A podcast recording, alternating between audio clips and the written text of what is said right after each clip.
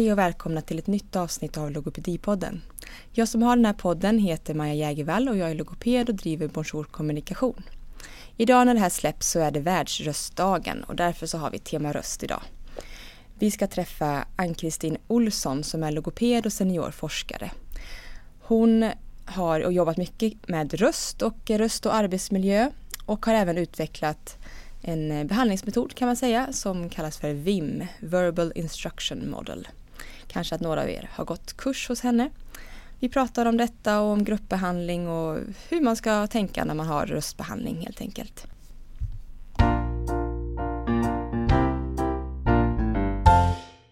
Jag la ut en liten blänkare på Instagram om möjligheten till eh, Skype-samtal med mig.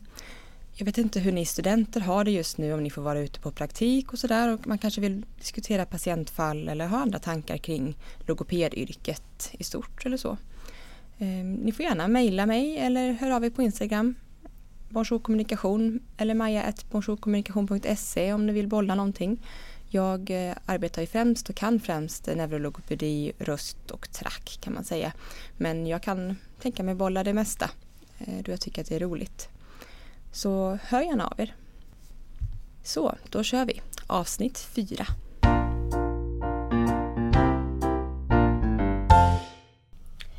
Hej och välkommen till Logopedipodden Ann-Kristin Olsson. Tack Maja. Vad kul att du ville vara med. Ja, det ska bli jätteroligt. Ja. Kan du inte ja. börja med att, eftersom alla antagligen inte vet vem du är, så kan du väl berätta, vad, vem är du? Ja. Jo, jag är ju då en logoped och jag är, är senior, som man säger så fint numera, pensionerad. Men jag arbetar fortfarande och speciellt då med kurser för kollegor i eh, röstbehandling. Jag disputerade för ganska länge sedan på arbetsmiljö och röst. Så att det har jag jobbat mycket med. Mm. Jag har jobbat med lite olika, olika saker, olika diagnoser som vi säger. Men det är ju människor med tal och röstproblematik. Mm. Var har du befunnit dig när du har gjort detta? Jo, jag eh, gick ju min utbildning i Lund och sen så småningom flyttade jag till Göteborg. Så jag har jobbat på Sahlgrenska i alla år. Eh, först som kliniker och sen som forskare. Och sen på universitetet också som forskande logoped. Och nu idag så brukar jag säga att jag är senior forskare. För att jag skriver fortfarande artiklar och sådär. Och det har ju framförallt varit inom eh, arbetsmiljö, röst, förebyggande röstvård och sånt där. Mm. Turners syndrom har jag jobbat med, stamning mycket och också publicerat eh, ska vi se, nej, ja, buller kanske lite sådär. Ja. Mm. Mm. Arbetsmiljö och röst kan man säga mycket. Ja. För det var ju mitt disputationsämne då. Sen kom jag in mer och mer på behandling i och med det då. Eh, olika aspekter på eh, behandling då.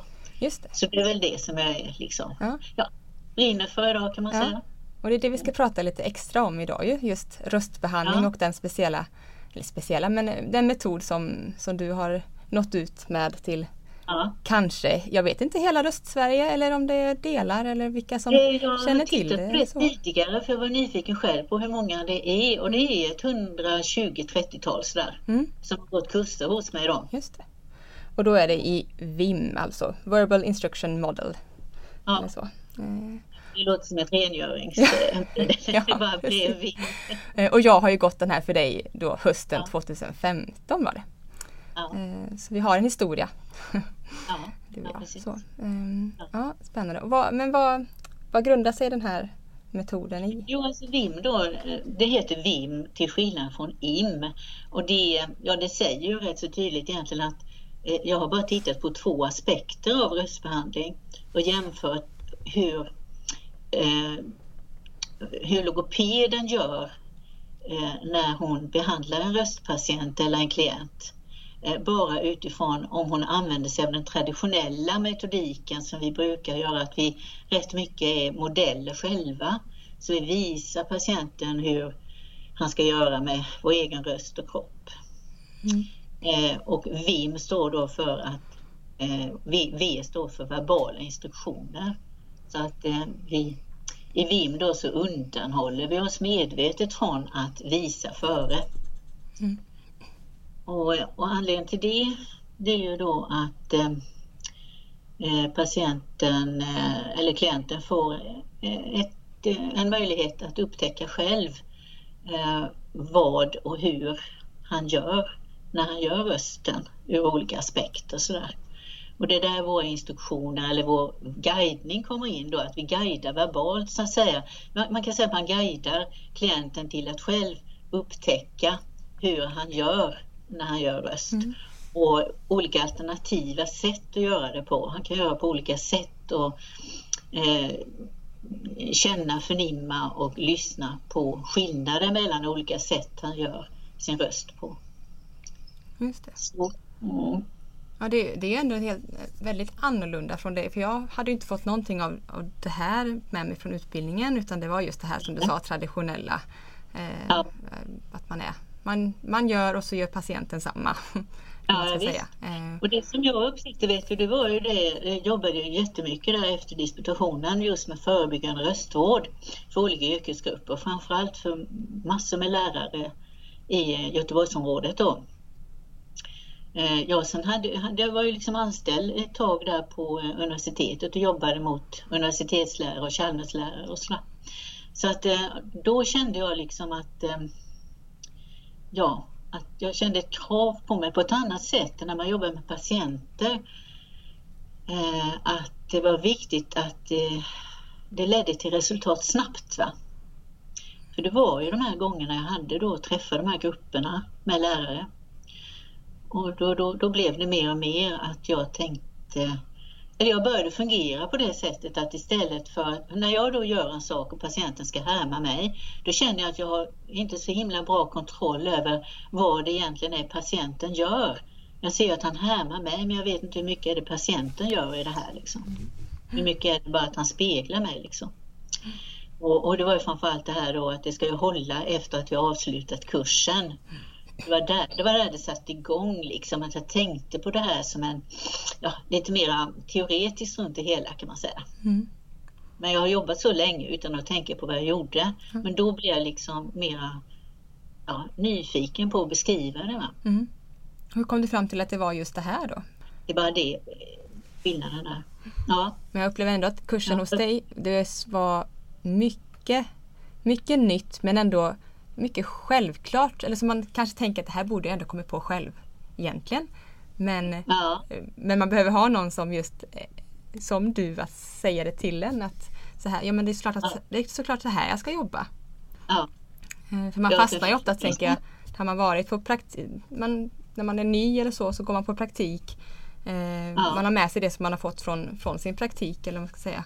Och sen är det det man, ja men det är så här man ska göra. Så ser man, ja det är bara det man ser och sen så måste man vidga sig sen när man eh, och se just, men det kanske inte är just så här som man ska göra. Nej men det är, själv, ja, nej, men det är självklart, man måste ha någonting att utgå ifrån. Mm.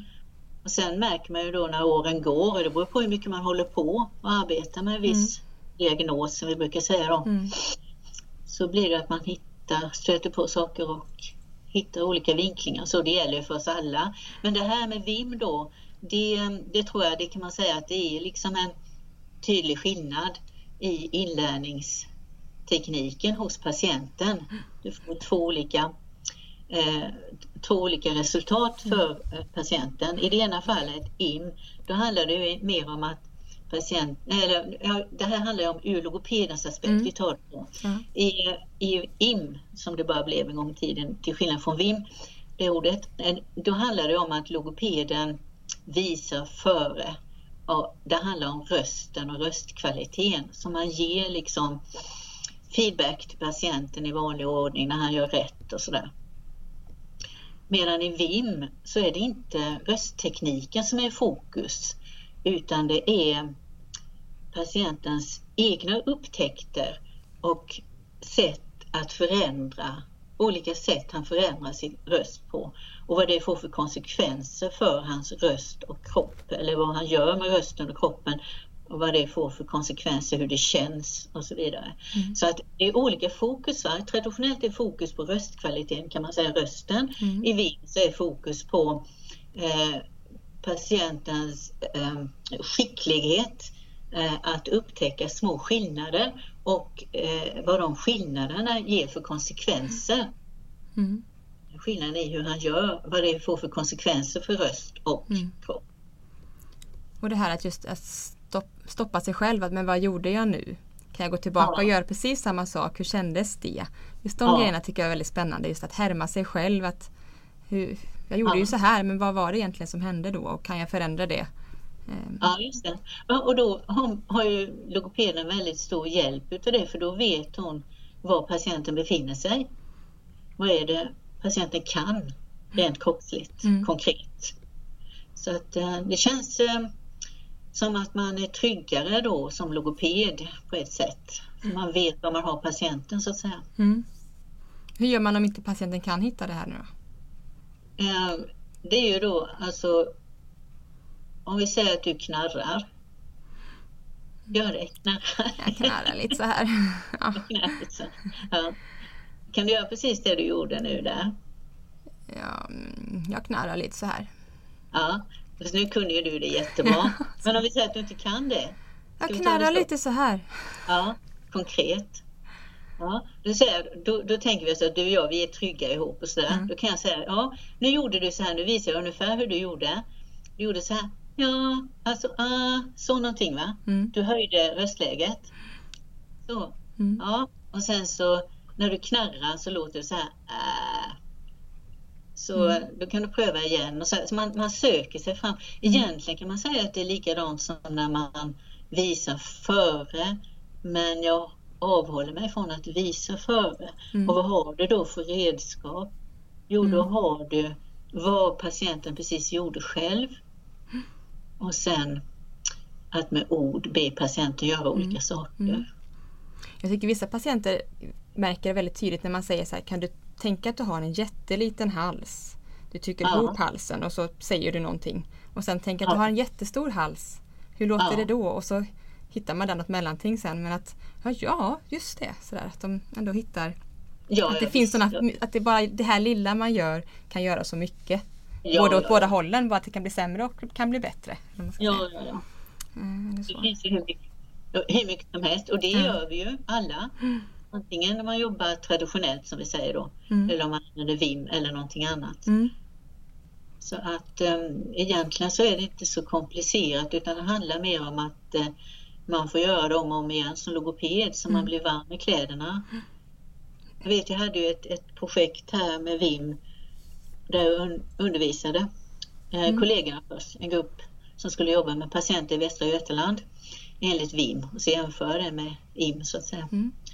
Och då innebar det ju att ehm, eh, vi hade en kurs först då. Ja. Eh, och eh, jo, vi, vi kallade det för idiot-VIM. Mm. Eh, Vi eh, diskuterade länge hur vi skulle göra, om vi bara skulle ha VIM i början och sen gå vidare. Men det blev enklare om vi körde, nu kör vi idiot-VIM och då handlade det om att vi skulle tänka att det var som en glasspinne. Mm. Att röra sig för mycket och sådär. Så att, eh, I början då när man går, det gäller ju alla kurser man går va, som logoped, så blir man förvirrad själv. Det blir i början att man använder jättemycket instruktioner och kanske sådär för mycket instruktioner. Så alltihopa det, det är en del i inlärningsprocessen för en som logoped precis som för patienterna. Mm.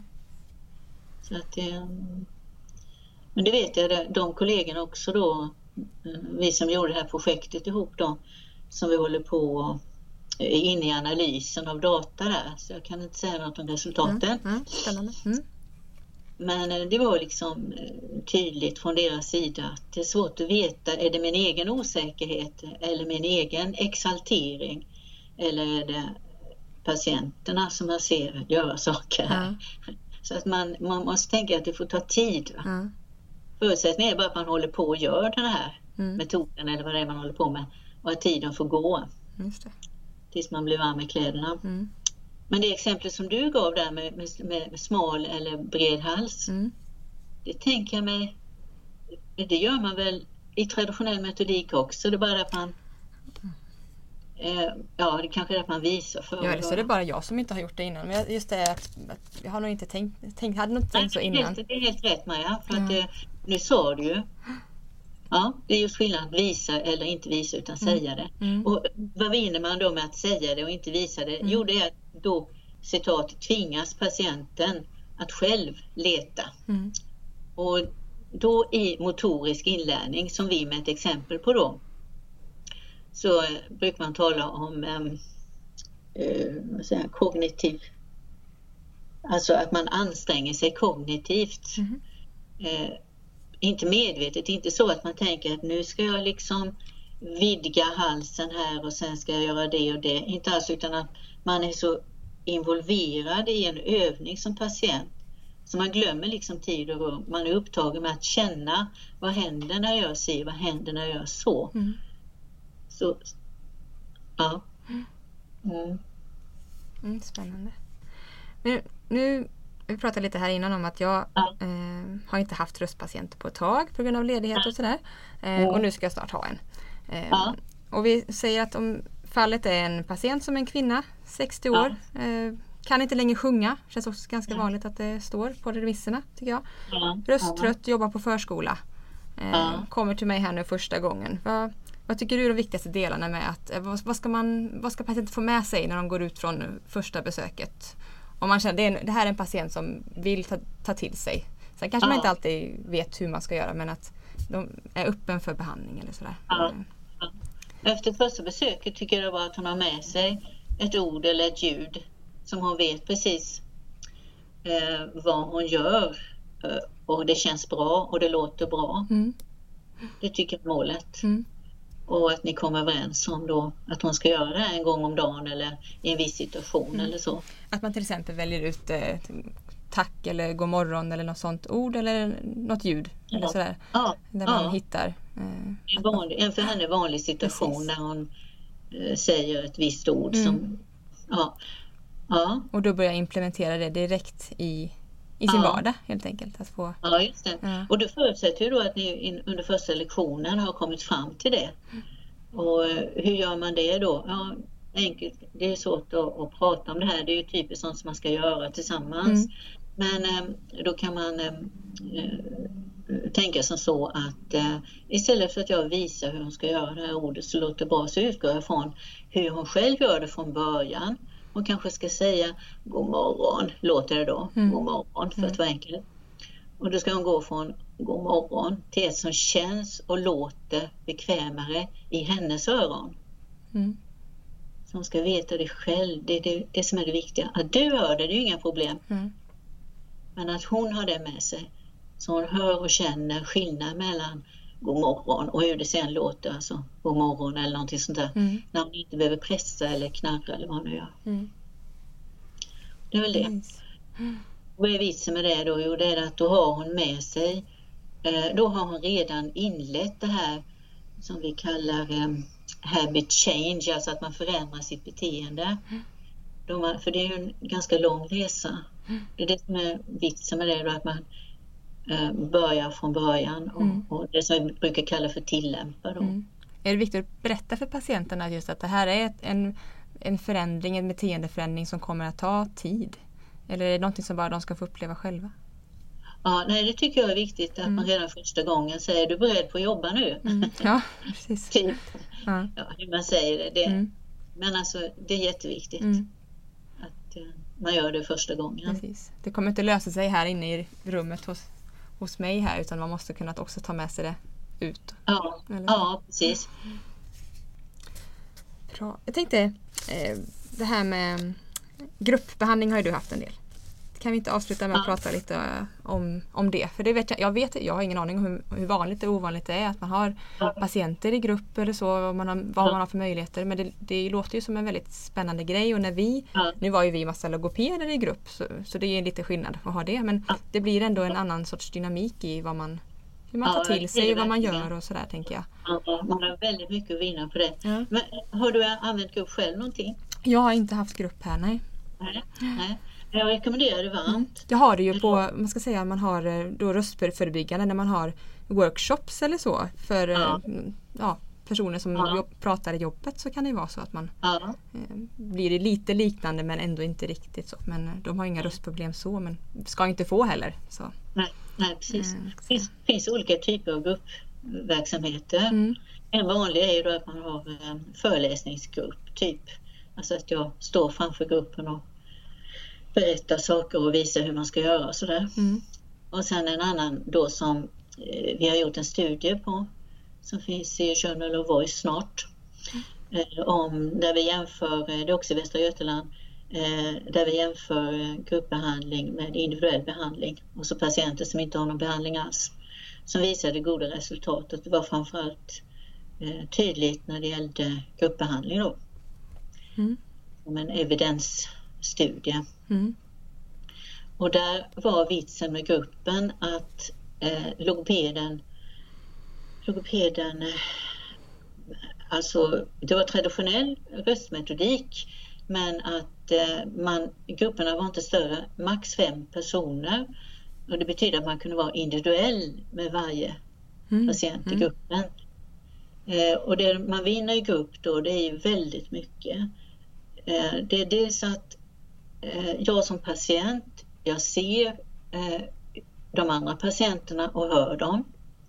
Jag ser hur de svarar på logopedens instruktioner eller logopedens hur hon visar. Eh, jag ser hur logopeden bemöter de andra patienterna. Så man får väldigt mycket. Man får väldigt mycket i en grupp. Mm. Och det, det blir en dynamik som du säger då. Mm. Hur fick ni ihop just eh, patienten? Eller har de samma diagnos eller har de bara samma mål? Ja, eller? Inklusionskriterierna var att alla skulle ha en em, funktionell röststörning Mm. eh, och att eh, man skulle vara mellan jag tror 18 och 70 år och inte ha eh, några problem med eh, ja, demens eller Mm. inte ha cancer eller så. Ja. Nej, så. Röstfunktion. Mm. Funktions... Vad heter det? Funktionell. Funktions- Mm. Ja, precis. precis. Eh, så det var det. Eh, sen var det randomiserat så att eh, det visste vi inte vilka som skulle handla var utan de Mm. hamnade var. De, successivt när de kom så fick de Okej. Mm. genom lott så att säga Ja, eh, antingen hamna i en grupp eller en individuell behandling det. eller eh, ingen behandling alls. Mm. Och eh, av etiska skäl då så eh, det tog ungefär tre månader innan man kom in i behandling då så att kontrollerna de var med till en tre månaders, månaders kontroll. Sen Mm. fick de, kom de in i de vanliga kliniska behandlingsrutinerna. Okej. Mm. Men vi hade uppföljning då efter sex månader och efter tolv månader. Mm. Men, men alltså grupperna var, då, det var dynamiska grupper så att säga. Mm. Så det var inte undervisningsgrupper. Mm. Utan det var ju det att logopeden jobbade mot varje patient i gruppen. Mm. Alltså alla fick en uppgift att göra och sen reagerade de olika på det och beroende på hur de reagerade så bemötte logopeden det. Mm. Mm. Spännande. Jag tänker att det är både alltså bra för att just kunna träffa flera samtidigt. Ja. Ehm, just för att vi ja, har mycket att göra. eller så. Ja. Ja. Ehm, men både, och både för att just träffa andra som för patienternas skull också, att träffa andra som har, ja, men vi har ju ungefär samma här eller vi, Ja. eh, vi kanske kan hjälpa varandra eller att man kan stötta varandra eller ja, det är ju verkligen också. det. Man får ju då redan från början gratis det här som vi kallar för tillämpning. mm, För patienterna i gruppen sampratar ju om olika saker som händer i gruppen och hur de har det hemma med rösten och så. Och då kan man ju i det spontantalet, om logopeden är med på det och mycket medveten om det, så kan man redan först från början träna på hur det är att använda en medveten röst tidvis Mm. i samtal. Så ju tidigare man kan komma in med det som vi kallar för tillämpning, desto bättre är det för patienterna. ja, precis.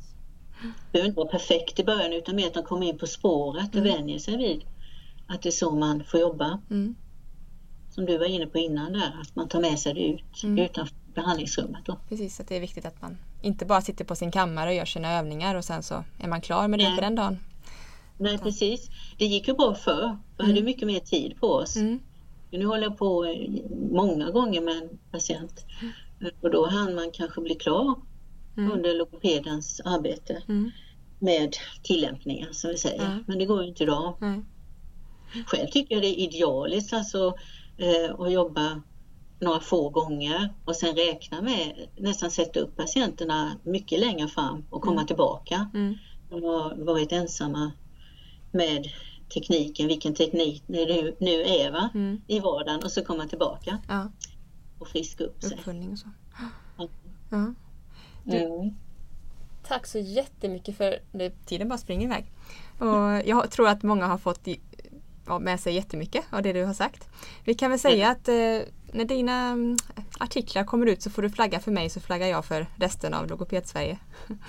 Ja, ja, Alltså, men det är bra. Du skickar över de två senaste till Ja, dig. gör det. Och så Ja. kan jag Till Journal of Voice. Ja. det. Så, Och sen håller vi på med, med dataanalys då utav VIM-studien. Ja. Det är också en ja, behandlingsevidensstudie. och det, det ser vi fram emot allihopa. Ja. Eh, så säger jag bara hej då så här i eh, Hej då! Tack för att du ville vara med.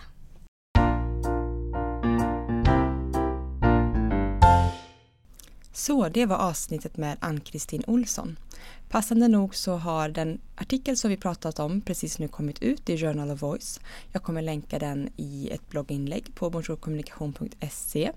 Men som vanligt så gäller det ju att ha access via sitt universitet eller arbete för att nå själva artikeln. Det var allt jag hade för idag. Maila mig gärna eller hör av er på Instagram, bonjourkommunikation eller maja.bonjourkommunikation.se. Tips och eh, feedback tar jag gärna emot. Nästa gång vi hörs så ska vi prata om övergripande logopedisk arbete i förskoleverksamhet. Så det blir något helt annat. Tills dess, ha det bra. Vi hörs. Hej då.